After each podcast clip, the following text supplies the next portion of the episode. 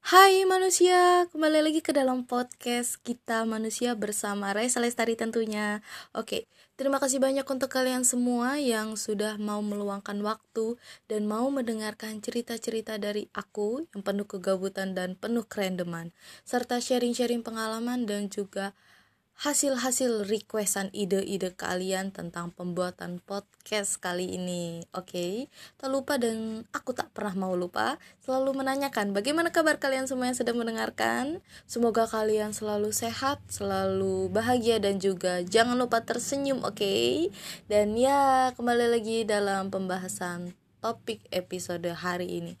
Aku ingin membahas tentang topik pembulian. Oke. Okay temanya sih pastinya udah marak ya udah ya selalu punya ciri khasnya tersendiri apa itu bully dan juga mungkin kalian yang sedang mendengarkan juga pernah mengalaminya atau mungkin teman kalian juga pernah mengalami dan cerita ke kalian karena memang bully itu nggak pernah bisa kita jauhkan dari kehidupan kita dan pastinya selalu ada oke okay?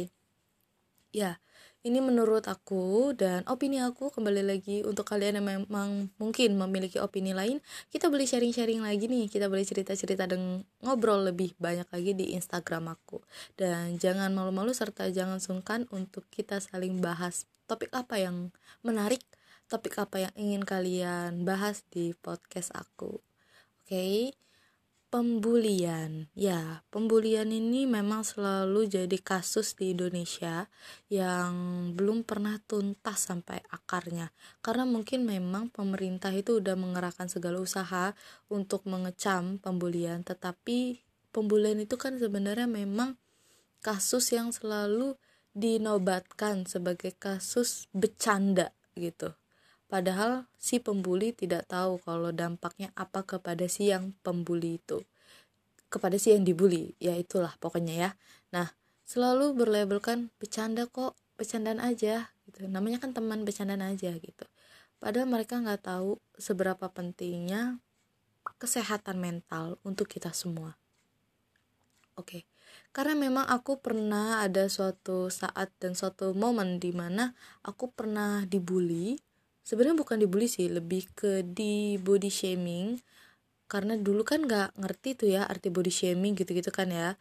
Dan aku baru sadar kalau yang lalu saat itu tuh bukan dibully. Sebenarnya masuk juga sih di kategori bully tapi lebih ke mengarah body shaming. Ini kejadian waktu SD dan aku sangat inget banget sama orangnya. Hmm, aku masih inget banget sama orangnya dan ya aku udah nggak mau dendam sih sama dia. Cuman namanya kita sebagai korban selalu ingat siapa yang membuli kita, siapa orangnya, siapa yang berperan dan apa kata-katanya kan. Dan aku sih memang udah gak mau ambil pusing, cuman semoga kamu sadar deh sama perilaku kamu dan semoga kamu gak kena karmanya. Amin. Oke. Balik lagi. Jadi waktu SD itu aku sempet apa ya? terkena penyakit sebenarnya bukan penyakit sih pasti semua dari kalian pernah ngalamin ya kan? Jadi aku itu pernah uh, minep di rumah saudara aku beberapa hari sehingganya aku tertular kutu kutu rambut gitu loh. Karena memang waktu SD aku belum pakai hijab. Jadi memang rambut aku kan terurai itu jadi aku tuh kena kutu rambut dan jujur aku belum sadar kalau aku kena kutu rambut gitu kan. Jadi ya udah aku masih pede-pede aja tuh kuncit rambut ya kan yang begini begini yang dikepang gitu gitu kan. Masih pede-pede aja tuh karena memang aku nggak tahu kalau aku kena kutu rambut. Tiba-tiba pada suatu hari ada manusia yang julid gitu kan cewek manusia ini selalu komentarin fisik orang bukan aku aja tapi teman-teman aku bahkan yang tidak terlalu dekat pun selalu dikomentari dengan dia. Seolah-olah kayak badan dia itu yang paling bagus. Seolah-olah kayak yang diri dia itu udah paling perfect udah paling cantik deh sekelas itu.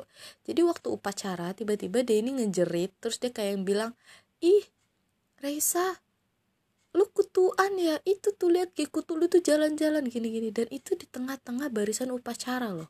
Bayangin. Dan aku di situ kaget kan hah kutu mana kutu? Gitu kan. Ya aku kaget karena aku memang nggak sadar kalau aku kutuan gitu kan. Tapi di situ aku juga ngerasa malu. Maksud aku begini loh. Kayak yang kalau memang dia melihat kenapa dia nggak diem aja sih? Atau kasih tahu aku tapi diem diem gitu loh. Jangan semua orang dibuat geger dan semua orang jadi tersontak untuk melihat ke aku gara-gara ucapan dia. Dan jujur itu hal yang sangat memalukan. Karena benar-benar orang-orang tuh langsung pada ngelihat ke rambut aku semua. Bahkan sampai ada yang narik-narikin rambut aku karena pengen nyari kutu yang dibilangin dia itu. Dan ya itu pengalaman sangat memalukan dan menyedihkan banget sih. Dari situ akhirnya aku nggak pernah berani lagi yang namanya kuncit rambut tinggi-tinggi gitu kan. Aku nggak berani lagi kuncit rambut yang dikepang gitu gitu aku udah nggak berani. Jadi rambut aku tuh aku biarin terurai atau cuman sekedar aku kunci satu nggak aku modif modif gitu nggak.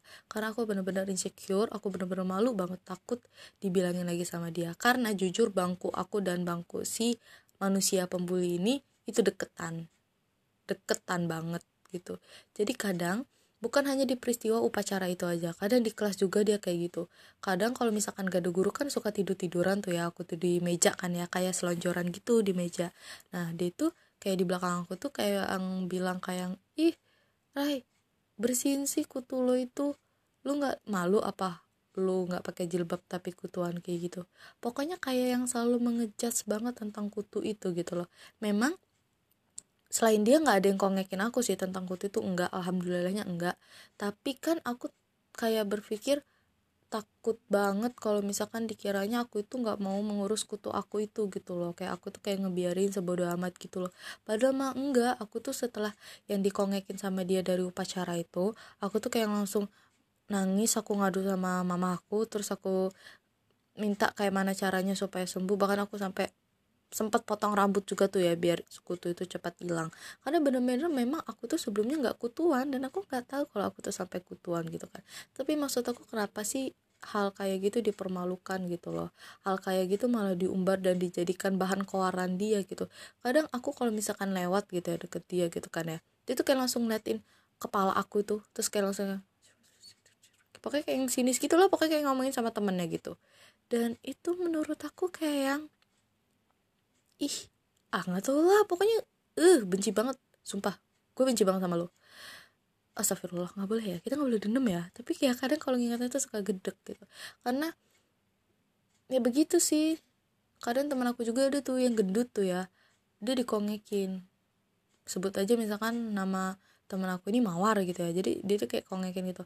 Mawar badan lu tuh gede banget sih bau apek banget bau ketek. Coba sih lu tuh pakai parfum kayak udah badan gendut kayak gitu badan gede kayak gitu udah gawenya tiduran aja. Pokoknya kayak yang wah sejeplak banget ya mulutnya. Entah karena memang faktor SD ya belum bisa memikirkan perasaan atau memang mental-mental pembuli dia itu udah berkembang gitu kan ya. Padahal ya Allah badan dia juga nggak terlalu bagus-bagus banget loh kalau dipikirin saat itu ya. Pinter juga enggak ya pokoknya begitulah ya. Kadang memang si pembuli itu selalu nggak pernah ngaca diri dia itu kayak mana. Dan mungkin juga bisa jadi jadi ya kurang kasih sayang kali ya. Oke lanjut. Dan ya banyak sih kejadian-kejadian yang mengarah ke pembulian dan body shaming gitu ya. Terlebihnya masalah yang aku ceritakan tadi gitu. Dan maksud aku kenapa sih kita sebagai manusia nggak saling support saling membantu saling bahu membahu. Karena kadang ya yang menjadi pembuli itu orang-orang terdekat kita.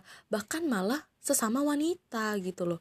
Aturan kan kita itu bisa lebih ngerasain sih kalau kita memang di posisi dia bagaimana gitu loh. Kayak yang sekarang sih kayaknya kalau bully udah nggak terlalu lagi ya mungkin ya mungkin ya. Lebih ke body shaming. Misalkan ih lu jerawatan sih ih kok lu hitaman ih kok lu gendutan sih? Kok lu pendek banget sih? Kayak anak kecil bocil gitu kan. Atau kayak ih lu nih kekurusan tepos gitu kan.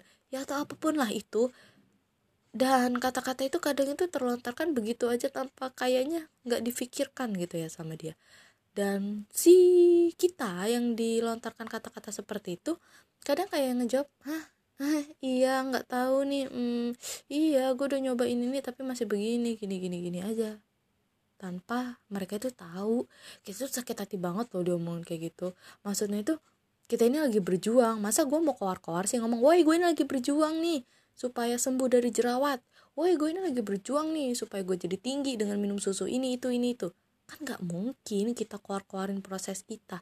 Cuman maksud gue kalau memang orang-orang itu tahu mungkin ada yang aneh dari badan kita dari tubuh kita please bilanginnya itu bener-bener privasi aja gitu loh jangan dikeluarin kayak gitu. Takutnya orang-orang yang tadinya itu nggak peka dengan hal itu jadi tahu dan jadi peka serta jadi merhatiin cuma gara-gara iya gara-gara mulut lo gitu loh. Please lah. Kayak yang jangan jolimin orang gitu loh. Lu tuh nggak pernah tahu rasanya itu dikatain kayak gitu gimana apalagi di depan umum gitu kan. Kayak yang please diri lu tuh nggak perfect gak nggak sesempurna yang lu omongin itu nggak please lah ya tolong untuk kita saling membahu jangan saling ngehujat dan gembuli apalagi body shaming. Karena kasus body shaming itu marak banget dan selalu menjadi pembahasan yang nggak pernah ada habisnya. Bahkan jangankan temen ya keluarga sendiri aja kadang body shaming. Contohnya lihat tuh kakak kamu kerjaannya tidur terus nggak pernah bantuin. Biarin aja nanti badan gede melar di kasur. Ya ya pokoknya kayak yang kadang-kadang kata-kata yang begitulah ya. Yang selalu tuh dijadiin kadang sama orang-orang tuh ya udah sih bercanda doang kayak gitu biar lu nya semangat kali lebih cepet nyembuhin jerawat gitu misalkan ya. Kalau nggak kan ya udah sih bercanda doang kan kita temenan. Masa kali kayak gitu aja lu baper? Nah ini kadang kata-kata yang baper juga tuh ya selalu jadi fenomenal gitu ya kalau dia nggak mau disalahin. Misalkan kita ngelawan nih ya kayak yang eh lu bisa nggak sih jangan ngomong kayak gitu? Ya udah sih ih kayak gitu doang baper. Ya udah sih baper amat kayak orang ngomong kayak gitu dong bercandaan kali. Ih please. Semenjak ada kata baper orang-orang lupa kata memaafkan dan meminta maaf. Bukan memaafkan nih meminta maaf. Apa salahnya sih tinggal eh gue salah ngomong ya? Wih minta maaf ya maaf ya maaf banget gue salah ngomong. Selesai. Gitu loh. Udah jangan kayak ih baper amat sih lo gini gini ih gue manusia gue punya perasaan anjir ya makanya gue baper. Dan itu wajar menurut gue kalau lu ngomong sama vampir lu ngomong sama hantu ya kali ya. Mereka nggak punya perasaan apa mereka nggak tahu apa yang lo omongin atau apalah itulah. Tapi kan ini kita sama-sama manusia yang hidup yang bernafas yang punya hati gitu loh. Ya wajar kalau baper. Please gak usah nutupin ke apa ya kesokan lu itu dengan kata-kata ih baper banget sih seolah-olah lu tuh nggak mau banget disalahin. Gitu loh. Uh gemes gua kadang. Oke okay. kadang ya begitu sih ya. Kita yang sebagai dikongekin yang begitu yang dikatain begitu cuman bisa balik lagi ya udah deh sabar aja. Ya udah deh nggak apa-apa. Udah ikhlasin maafin gitu. Dan ya kita adalah pemenang sejati. Karena kalau kita nggak pernah dendam dengan orang itu dan malah kita jadikan motivasi dan jadikan dukungan support kita menjadi seseorang yang pemenang. Karena untuk apa kita ngedengerin orang-orang yang selalu menjatuhkan proses perjalanan yang kita perjuangkan gitu loh. Itu sangat-sangat gak penting menurut gue jadi kayak yang udah deh kita fokus dengan diri kita apa yang pengen kita perbaikin. Dan jangan lupa kalau memang kita lagi perbaikin tubuh kita kita juga perbaikin akhlak kita. Karena perbaikan akhlak itu nggak pernah ada e, jaminan dan garansinya kecuali memang kita yang menciptakan sendiri. Ibaratnya lu tuh mau beli HP iPhone tuh yang RAM-nya misalkan berapa giga dengan lu cuma mau beli HP misalkan Oppo gitu yang RAM-nya berapa giga pasti beda kan ya. Dan setiap spesifikasi apa itulah pokoknya ya HP itu punya keunggulannya masing-masing. Sedangkan untuk keunggulan akhlak itu nggak pernah ada yang namanya garansi alias lu pabrik penciptanya. Lu pabrik pencipta HP iPhone-nya istilahnya gitu kan ya. Lu yang dibalik e, pembuatan akhlak lo yang bagaimana gitu. Jadi kalau bisa kalau memang kita kalah dengan body e, mereka kita kalah dengan fisik mereka kita jangan pernah mau kalah dengan akhlak kita. Karena ya kita tunjukin aja kita jangan jadi orang yang seperti mereka. Karena kita tahu rasanya ketika dikatain atau disinggung atau disindir tentang hal-hal yang sensitif itu gak mengenakan banget gitu. Dan cukup kita jadikan pembelajaran kita ikhlaskan dan ya kita juga harus menjadi support dan salah satu pendukung untuk gerakan yang mungkin dibangun mencegah pembulian tersebut. Karena memang pembulian itu kayak seolah-olah menjadi hal yang wajar dan hal yang lumrah dilabeli dengan bercanda. Kan kita kawan baper banget sih lo gitu doang. Ya tanpa mereka tahu kayak mana sakitnya kita ya kan. Kalau misalkan dipikir nalar gitu ya. Tapi balik lagi deh yang waras selalu dibilang harus ngalah gitu kan. Tapi jangan pernah salahin kalau yang waras juga tiba-tiba jadi gila dan makan lo nerkam lo yang ngata-ngatain kita. Karena kita juga manusia pasti punya capek pasti punya sabar dan pasti punya sedikit dendam kadang gitu kan. Dan balik lagi ke orangnya. Bagaimana mengelola emosinya? Bagaimana mereka mengikhlaskan sesuatu? Bagaimana mereka menerima atau tidaknya omongan lo dan perilakuan lo kepada orang tersebut? Dan ya untuk lo yang mungkin memperlakukan orang seperti itu please sadar. Karena nggak hanya lo yang bisa ngatain ke orang lain bisa aja lo dapat karma dari orang yang lebih perfect di atas lo tiba-tiba ngatain lo dan ya selamat menjalankan karma dan selamat merasakan apa yang dirasakan oleh pejuang-pejuang body shaming yang sedang di body shamingin. Oke? Okay? oke. Ya udah deh ya. Gue kadang suka gede kalau bahas-bahas permasalahan yang kayak gitu apalagi menyinggung-menyinggung tentang perjuangan yang memang kita lagi perjuangin khususnya sesama wanita. Kenapa sih kayak nggak ada support woman gitu jadi please lah udah deh. Ah gue tuh gemes ngomongnya. Pokoknya intinya saling support. Mulutnya jangan baom. Jangan banyak ngomong kalau emang itu bakal nyakitin. Mending diem aja udah. Fokus aja deh sama diri sendiri. Nggak usah ngomen ngomentarin orang. Tuh dia nggak ngurugin lo. Dia jerawatan juga bukan jerawatnya di muka lo. Dia beli skincare juga bukan pakai duit lo. Dia kurus juga karena memang mungkin dia nggak mau makan atau mungkin memang badan dia yang begitu ditakdirkannya dan gak ngerukin lo. Dia gendut ya udah biarin aja dia juga mungkin lagi proses untuk menjadi kurus dan gak pakai badan lo ini juga dia gendut. Dia mungkin bau atau apa gitu ya udah tinggal dikasih tahu. Kalau lu memang tahu tipsnya atau lu tahu skincarenya supaya nggak jadi bau atau apa ya dikasih tahu. Itu lebih berfaedah dan lebih baik daripada lu cuma ngatain oke? Okay?